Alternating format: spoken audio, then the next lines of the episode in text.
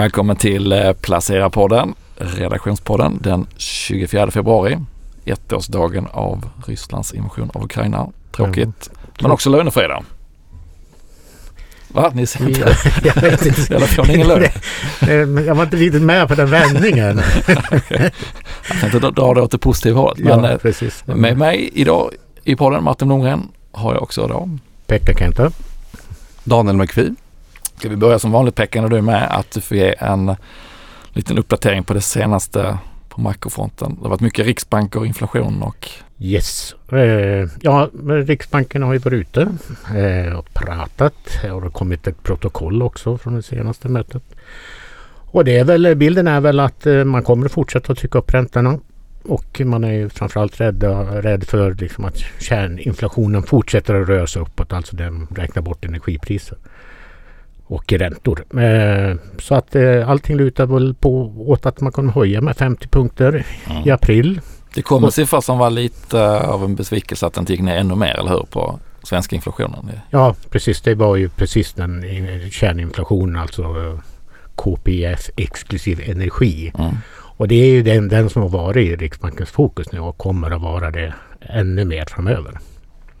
Det säger mer om det underliggande pristrycket i svensk ekonomi kan man säga.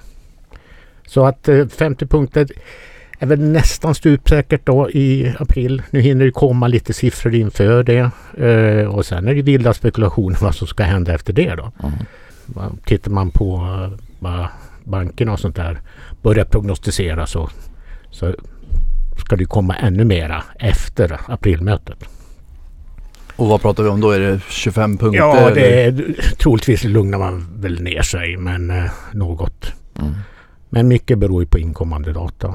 Och men alltså svettigt då, det var en 50-punkters ganska nyligen, kommer en 50-punkters. Mm. Och ingen av de här har ju hunnit slå igenom på oss bolånetagare än. Så att... Nej, och jag, eh, och jag är ju som sagt jag är, krit, jag är ju ganska kritisk mot Riksbankens räntehöjning. Jag tycker att man kan avvakta. Vi är ju trots allt ja, en av de eh, mest räntekänsliga ekonomierna i Europa.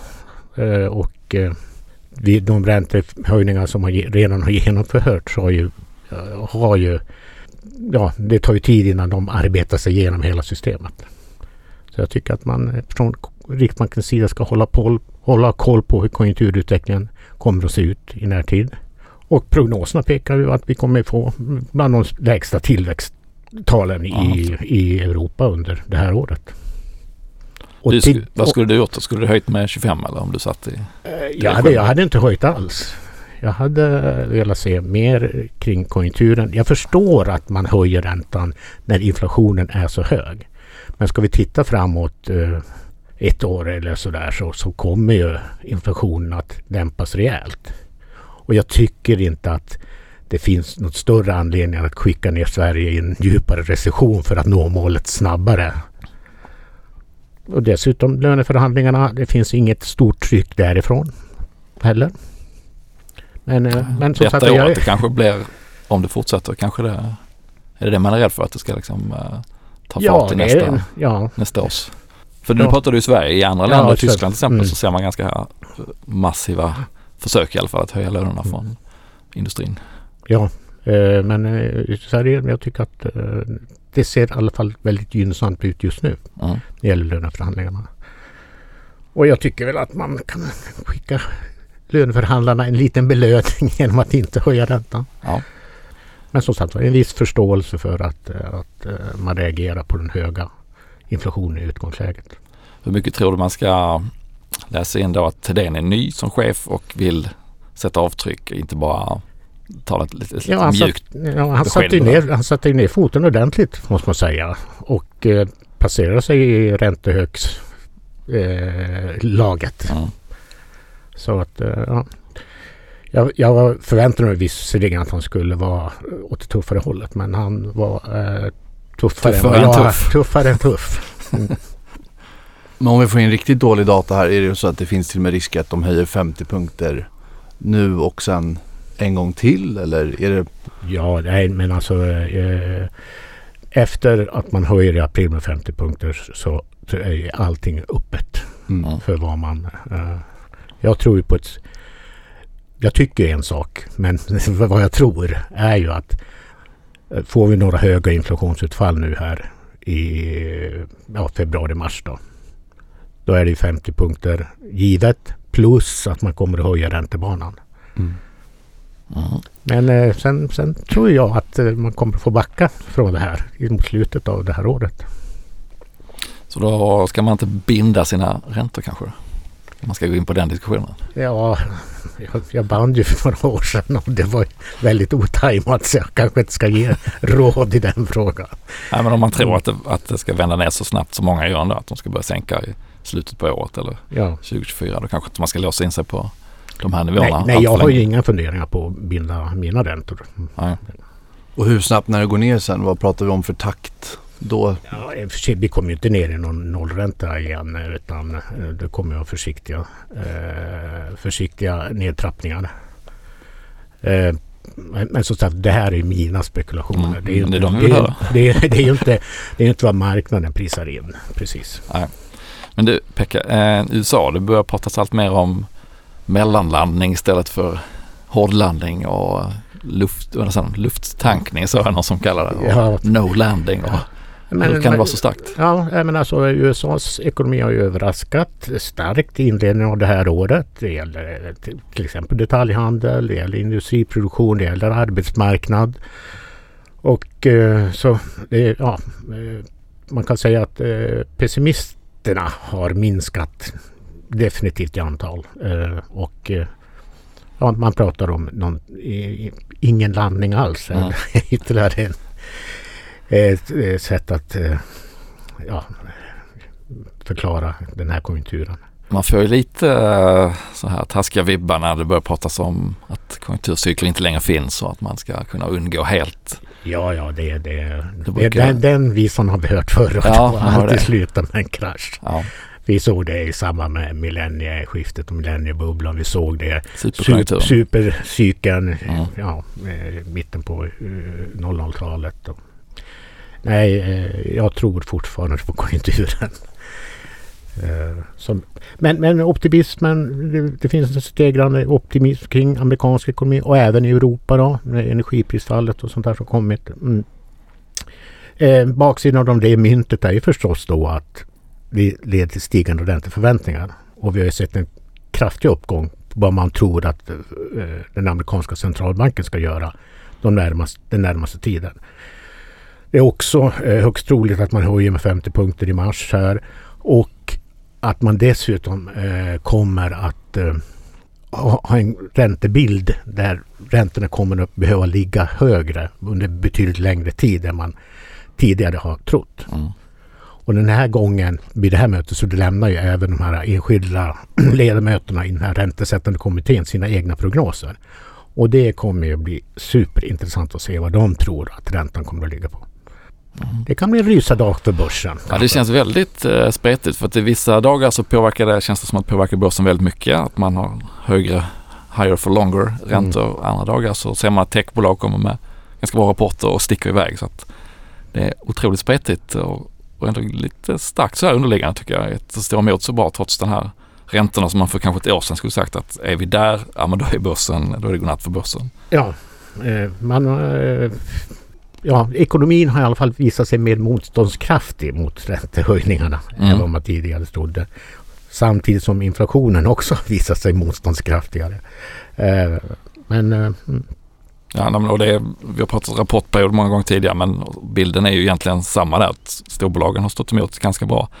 De har inte slagit förvänt vinstförväntningarna i den omfattning som det brukar vara. Ungefär hälften bland de stora bolagen i OMX30 då, lite, eh, lite högre i USA.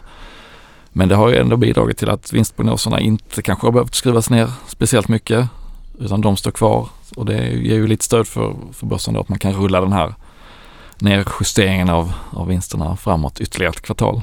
Så får vi väl se vad som är temat för nästa kvartalsrapport då men jag tror att skuldsättningen i, i, med tanke på att räntorna är på, eh, på väg, fortfarande på väg upp kommer att bli ett tema hos ganska många bolag där man inte behövde bry sig så mycket tidigare. Kanske. Ja, Bolag vi... som har förvärvat mycket och som har stor skuld. Mm. Och vi pratade lite om det innan det här med konsensus, eller tidigare idag innan ja. podden om det här med att i, för, i fjolåret så pratade alla om att Europa det var det man absolut inte skulle äga och det var USA fortsatt man skulle vara viktad mot. Men nu ser vi ändå att sen dess då i slutet på förra året så är det faktiskt Europa som har gått starkast på börserna. Så att eh, var lite kontra. Konsensus där verkar ju vara ganska bra. Så nu när alla pratar om ingen landning så kanske det är precis det man ska landa. Exakt. ja. Nej, och tittar man på den här Fair and Greed så har den ju varit otroligt eh, vältajmad om man hade gått emot den då. Att när det, när det börjar bli Greed så har börsen vänt ner och när de här indikatorerna visar på Fair då har det gått upp. Så har det varit under hela senaste året egentligen. Eh, och det kanske är en bra påminnelse om att man ska vara lite försiktig när alla tror någonting. Eh, nej, men alltså det som jag eh, där jag ser den största osäkerheten framför, och det gäller inte bara i Sverige utan det är, det är globalt. Och det är ju dels hushållen, hur de kommer att reagera. För att prisnivåerna har ju gått upp nu och det, det ska de anpassa sig till. Eh, räntorna är på väg upp. Jag tror det kan bli en svag hushållskonsumtion under loppet av det här året. Och sen har vi en fastighetssektor som är extra räntekänslig. Och eh, vi ser ju en fast, att, att det är lite knackigt på fastighetsmarknaden i, i stort sett globalt mm. nu. Ja, bygg, eh, nybyggnationen av bostäder är ju helt stendöd om man tittar på de eh, rapporterna från de bolagen som bygger bostäder. Det är ju, liksom tecknas ju inga nya bostäder överhuvudtaget. Så det här kommer ju bli iskallt under en period. Ja, och, och Sverige är tyvärr det landet som jag tror kommer att drabbas hårdast av detta. Sen kanske det inte har så jättestort genomslag på börsen som styrs mer kanske av globala mm. faktorer. Men eh, det är klart att delar av börsen kommer ju ändå reagera på det. Mm. Ja, men bygg och infrastruktur kommer väl ha det hyfsat tufft. Det finns ju mängder av bolag som har exponering mot det. Eh, och ett som vi har pratat om tidigare, som jag vet att du har tittat på igen eh, Daniel, är ju tiltrotorbolaget Encon. Exakt. Fint bolag. Ja, verkligen. Det får man ju säga. Eh, det går ju väldigt bra. Jag skrev om det i december och man kanske ska förklara vad en tiltrotator är för de som inte vet det. Borde eh, tillhöra allmänbildning men ja, men går man runt just med tanke på penetrationsgraden här i, i Norden eller i Sverige framförallt där faktiskt 85% av alla eh, grävmaskiner har en tiltrotator så kan man nog se dem lite överallt i Sverige. Men det är som en handled eh, som man lägger, eh, kopplar på eh, på grävmaskinen eh, och gör att den blir mer effektiv, energisnål och kan användas på flera eh, sätt än vad man kan om man inte har en tiltrotator. Så liksom mellan skopan och armen? Eller man ska ja, säga. precis exakt. Eller mellan stickan tror jag till och med man säger och skopan. Ehm, så att ehm, Nej men det, hela tillväxtstoryn här handlar ju då om att de ska kunna växa utomlands Eh, och om man ser även bara i Europa, Frankrike och Tyskland som är väldigt stora marknader för grävmaskiner eh, så är eh, penetrationsgraden bara på 10-15% så det är väldigt lågt jämfört med Sverige. Eh, men de hade rapport nu här, jag skrev om dem i december som sagt redan då handlas de till 34 gånger årsvinsten eh, för 2023. Eh, så att redan då tyckte jag att det var lite dyrt. Eh, och aktien gick upp, har väl gått sen, säkert 15-20 procent sen dess. Eh, så att Dyrt kan bli dyrare. Dyrt kan bli dyrare och kvalitet är oftast dyrt och det har de väl visat sig vara hittills i alla fall. Eh, och de noterades också kan jag säga som, sommaren 2022 när det var väldigt många bolag som kanske ställde in eller inte mm. vågade noterades. Då var, det var faktiskt en av två bara tror jag som gick till ordinarie börsen förra året. Mm. Men det här ska jag prata mer om sen. Ja. Förlåt, fortsätt. Eh, men börsvärde på 12 miljarder. Eh, vi har bland annat Svolder i ägarlistan men ägs till stor del av de som har grundat det, Monica och Stig Engström. Men då för att komma till rapporten i alla fall så att eh, de växte omsättningen med 35 lite drygt, 38% Så att det visar sig att det går väldigt bra fortfarande. Det som är är att de har en väldigt stor orderbok sedan fjärde kvartalet 2021 eh, med tanke på de leveranstider som var då så alla eh, kunderna beställde mycket mer och tidigare. Vilket gör att de har kunnat leverera på den här orderboken som fortsatte växa starkt, eller orderingången ska jag säga, mm. eh, som växte starkt under fort, fortsättningen där under 2022. Eh, så att det man ser nu till exempel så att deras orderingång var ner 30 procent eh, jämfört mot Q4 2021, vilket då kanske inte är allt för oroväckande. Men i Norden till exempel, där är det ner till och med hela 50 procent.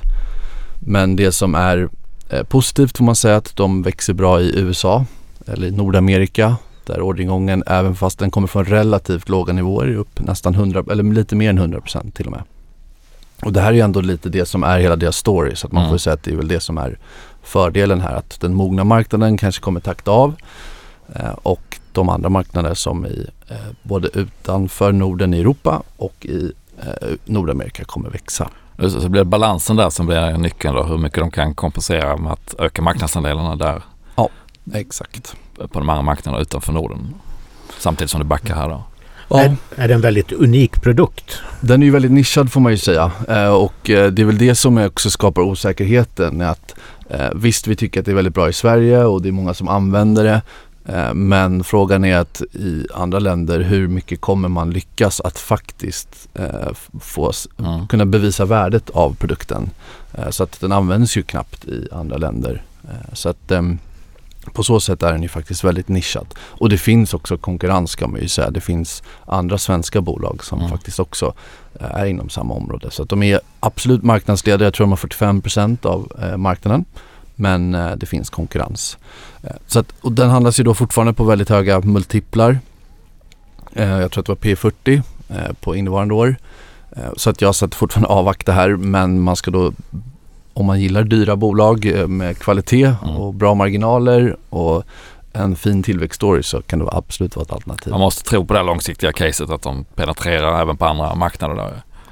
Ja, och det har de ju faktiskt bevisat att ja. de har lyckats med hittills. Men sen ska man ju säga att det här är ett, ett kvartal. Så att mm. det långsiktiga caset måste ju fortfarande bevisa sig att det finns en tydlig trend att de lyckas öka tillväxten i de här andra länderna utanför Sverige. Då, eftersom mm. att vi ser att till exempel då Norden går ner 50 procent, visserligen från höga nivåer.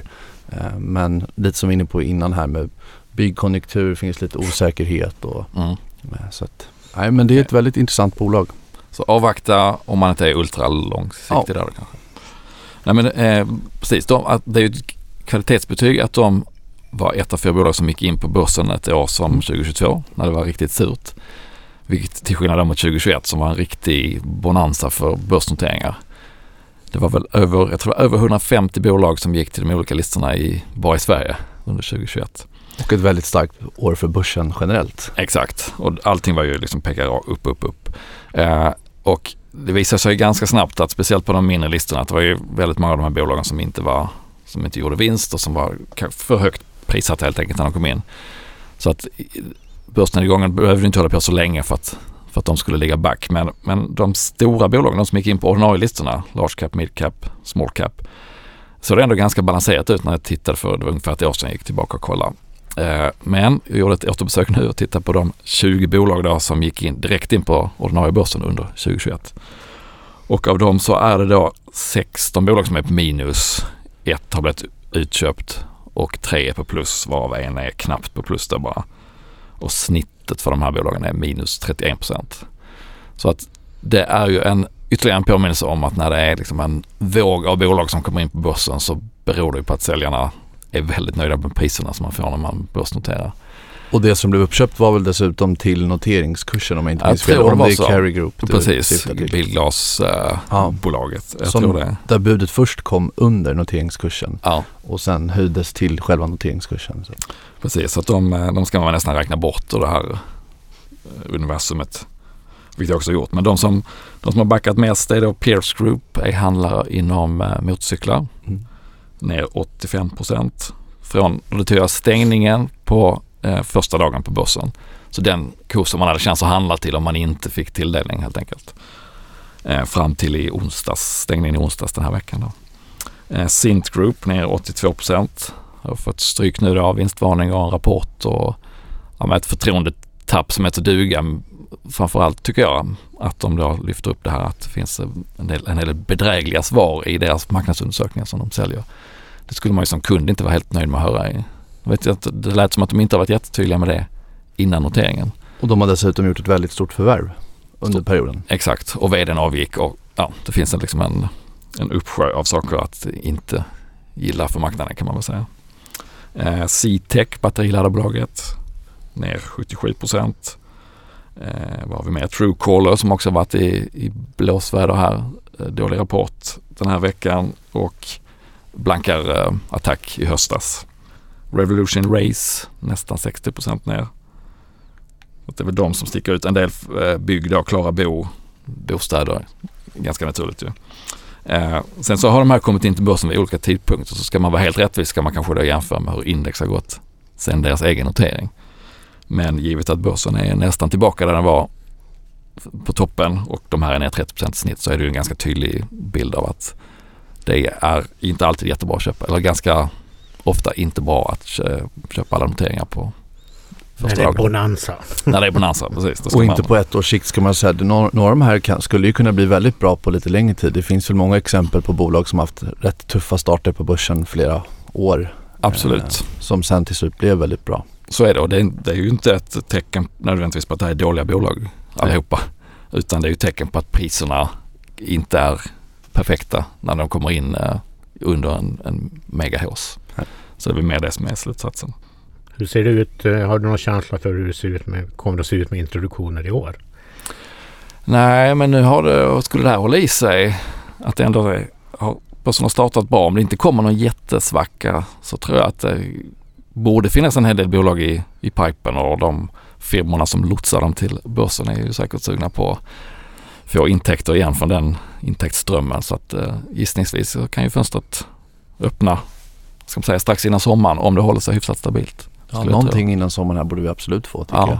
Och då däremot när det en, har varit en sur marknad och de första som vågar sig in det brukar ju vara de bolag kanske som är av lite högre kvalitet som har kanske en ägare som är lite mer solid och en affärsmodell som är beprövad. För att eh, ska man gå först ut så måste man ju ha något att visa upp. Så där kanske inte man ska vara lika rädd som man borde varit då i slutet på 2021. Nej, och sen, jag vet inte, vad var det för någonting som hade gått bra där? Var det någonting som eh, sticker ut på ja, de som sticker ut är Mildef Group som har gått dubblat nästan.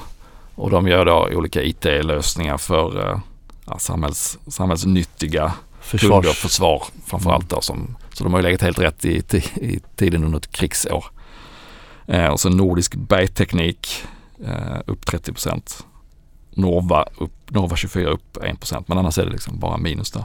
Mm. resten av gänget. Är det något annat tecken du ser? Någon, är det någon, något specifika, jag vet inte hur långt du har grävt i de här grejerna, men ägarbilder sen innan? Om det är liksom P-bolagen som där det, där har varit lite sämre betyg eller? Nej, det har jag inte någon statistik på här, men eh, om man har tittat på andra sådana här undersökningar eller liknande granskningar så är det ju, många av bolagen kommer ifrån riskkapitalbolag och, och de vill ju sälja. Det är med, naturligt. med bra priser och sen så har de ofta kvar då aktier så det finns ett överhäng där de sen måste sälja igen och det kan ytterligare pressa kursen. Och ett år som, som har gått här där vissa behövt göra nyemission då, som Pierce Group till exempel så trycker det ner aktien ytterligare. Så att, ja, det var ett litet svep på de här. Vill man eh, se hela listan så finns den ju på placera. Men eh, ett bolag som kanske var noterat lite längre som eh, jag vet du Martin har tittat på. Var, det var ljusbolaget Fagerhult som nu verkar också gå ganska bra va? Precis, kommer rapport i veckan. Eh, är ju då ett eh, av Latorbolagen mm. på börsen och det brukar ju vara en kvalitetsstämpel. Inte i C-tech dock. Eh, inte i C-tech dock, nej precis. Ett litet undantag där. Eh, men, men Fagerhult, jag har faktiskt inte tittat så noga på dem tidigare någon gång så jag gick väl in med lite så här öppet sinne och tänkte mm. att de här är väl ett eh, bygg, eh, byggkonjunktursbolag som man kanske ska vara lite försiktig med. Men blev lite positivt överraskad. Eh, de hade en orderingång som var lite sur i Q3 som studsade upp nu i Q4. De pratar om att visserligen då är kanske byggmarknaden inte perfekt men det finns de här höga elpriserna och behovet av att spara energi, behovet av att driva sin egen hållbarhetsagenda hos alla företagskunder gör att många då gör renoveringar där man eh, förbättrar helt enkelt förbättrar ljussättningen och får mer energieffektiva belysningssystem. Eh, så att de, de var kvittrande nöjda på den här eh, konferensen, telefonkonferensen efter rapporten med att bra orderingång, kunder som, som vill göra den här omställningen, eh, som driver på efterfrågan. De har lyckats höja priserna, de har nya prishöjningar på gång så att rörelsemarginalen som låg på 10 procent under 2022, vilket ungefär där de har legat i snitt, undantag för pandemin, bör kunna förbättras lite till i år. Och jag tycker även om man tog en ganska försiktig Eh, tillväxtbild och att marginalen går upp lite så hamnar den på ett P-tal på 14 i år och 13 nästa år. Och med de otroligt starka underliggande trenderna då att, eh, att spara på energi som, som kunden har. Och även att digitalisera lite mer för hur man sköter belysningen i en fastighet. Att man kan tända och släcka när folk är där och inte automatiskt eh, gör att det finns ett, ett efterfrågetryck som på något sätt går ovanpå konjunkturen. Vad är det för kundbas vi pratar om? Är det mycket privatpersoner eller är det företag? Nej, det, nej nästan bara professionella kunder. Så det är hotell, restauranger, kommuner som har utomhusbelysning. Eh, det kan vara ett museum eller en konsertsal eller ja, allt möjligt där man har stora lysljusarmaturer. Mm. Eh, och då, även om det inte är ett nybygge då så är det många som byter ut eller förbättrar sin, eh, sin belysningsstruktur.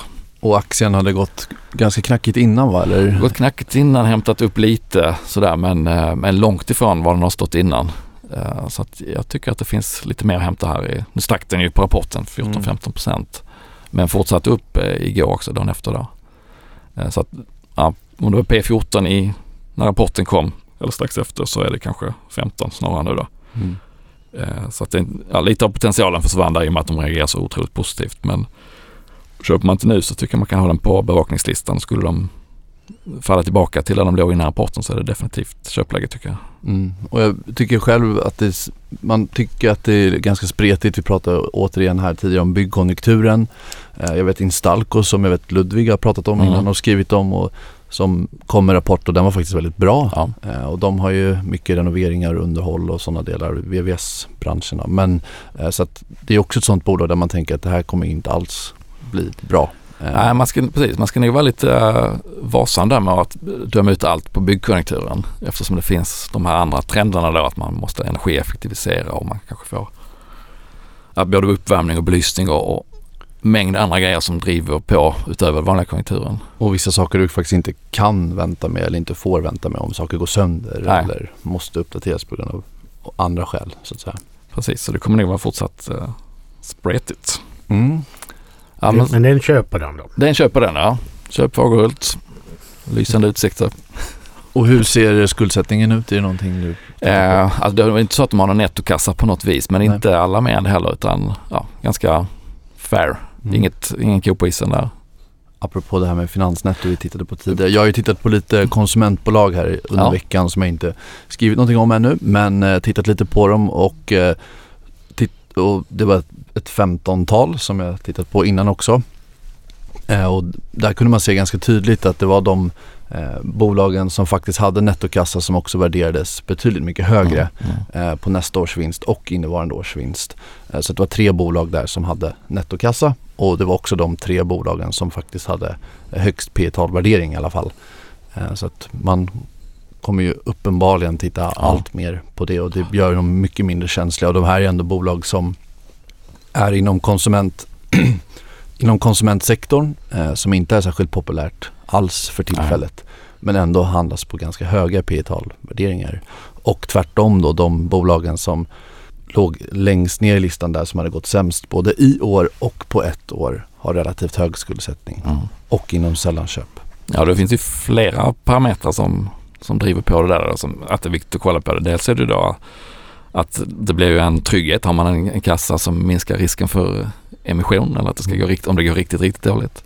Och dels så slipper man då att finansnettot äter upp stora delar av rörelsevinsten, vilket man inte behövt bry sig så mycket om de sista tio åren egentligen. Så att det finns ju fler skäl och, och att det där kan, tror jag, segla upp som en fråga som blir större och större för varje kvartal här närmsta ja, men två, tre kvartal i alla fall. Ja, och framförallt med tanke på det lagget vi pratade om innan som Pekka var inne på att vi får se mer räntehöjningar och att det tar en tid innan det såsar igenom i systemet. Så ja. det, det, borde bli än mer aktuellt precis mm. som du är inne på. Eh, egna affärer då? Har ni varit aktiva, passiva? Ja, jag, jag eh, har ju ägt en finsk aktie som heter Nixu som är ett cybersäkerhetsföretag som har ägt ett antal år. Och det var, var det ett av de cybersäkerhetsföretag som inte har gått upp. Som stod och stampade i länge, länge. Fast nu kom det ett uppköpsbud med en riktigt hygglig premie på nästan 70 procent jämfört med den aktuella dagskursen. Då. Så den är på säljlistan. Det var värt väntan. Ja, det var ju det. Eh, det blev ju det till slut. Så ja. att, eh, men som sagt var, det är, en, det är en sån här aktie som man nästan hade glömt bort att jag ägde det aldrig hände någonting med den. Det som sprängde portföljen i positiv bemärkelse. Ja, nu var det ingen så här jätteandel av portföljen men eh, ja, det är alltid kul när det händer någonting ja. lite överraskande positivt. Men den är på säljlistan eh, och budet är på 13. Jag tror den står i 12 och 85 eller någonting. Ja. Men inga andra? Nej, har, jag har legat lågt här ju. Jag har ju min blankning då. Som, Just det, den fick en jobbig start men nu Ja, den, den fick en sig. väldigt jobbig start där med två dagar med rejäla börsrusningar precis när jag hade gått in. Då. Men nu har den väl, nu har ju börsen gått lite sämre. Men det är fortfarande minus 1,4 procent på den per igår. Okej, okay. ja, värre har man hört. Ja. Daniel? Ja, nej men jag har varit lite på köpknappen faktiskt. Jag Spännande. har ju skrivit om ett bolag tidigare som heter NCAB eller NCAB beroende på hur man vill uttala det. Mm. Kom en rapport förra veckan, eller om det var i veckan. Måste varit. Nej, förra veckan var det, i fredags. Mönsterkort. Mönsterkort, ja. precis. Eh, och de är ju lite mer inriktade mot de mer avancerade teknikprodukterna så det är inte så mycket sällanköpsvaror utan det är mer för industri. Men eh, tog en rätt hård smäll eh, på rapporten, vilket var väl rimligt med tanke på att eh, jag tror att nettoomsättningen var väl ner ungefär 15% i lokala valutor eller i dollar mätt. Eh, så att de har ju väldigt mycket, eh, väldigt mycket fördel av en stark dollar. Eh, så att nettoomsättningen var väl flätt annars. Den hade gått rätt bra innan rapport eller? Ja, den hade ju gått ganska starkt innan rapporten. Eh, den var nog upp säkert 30-40% sen botten. Mm, eh, mm. Men gick ner 20% på rapporten och eh, gick ner lite till. Så att jag har köpt lite där. Jag tror att det är ett bra bolag på, över tid ska jag säga. Det kan säkert vara några sura kvartal till här. Eh, deras orderingång var också ner säkert 20%. Köpt mer eller köpt nytt? ja, jag ägde den sen innan. Okay. Ja. Mm. Så öka på lite där eh, men med ja, lite försiktigt för jag tror som sagt att det kan bli fortsatt ganska tuffa kvartal och det är inte billigt men det är inte jättedyrt. Mm. Eh, och sen har jag också köpt lite Adyen som är betalplattformsbolaget, nederländska som jag skrev om. Eh, Just det, för pratade om i podden tidigare ja, också. Exakt. Mm. Eh, så att doppa tårna lite där. Mm. Och sen har jag också ökat på lite SCA för att få lite mer stabilitet i portföljen. Sweet. Du då? Du har... Jag har gjort en affär. Ja. Jag har köpt ett av de bolag som var på, på listan här över usla börsnoteringar. Ja. Revolution Race. Okej. Okay. Som är ju då säljer uh, out, outdoor, utomhuskläder på nätet. Mm. Uh, som stack iväg på sin rapport för några veckor sedan var det väl. Sen har de tappat större delen av den uppgången.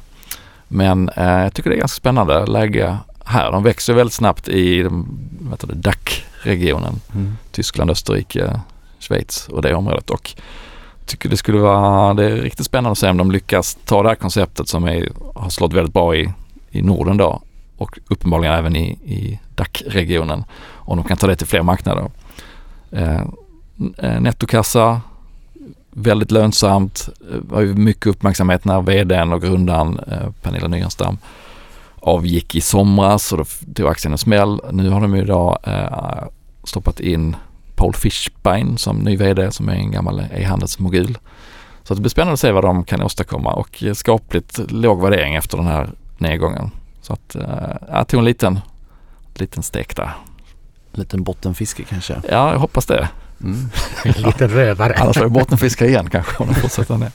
Nej, men det är ju naturligtvis en hel del osäkerhet i ett sånt här bolag också när det är en konsumentprodukt och det är bara e-handel och vi har sett e-handel har ju lite inte haft ett jättebra period men eh, jag tycker det är spännande.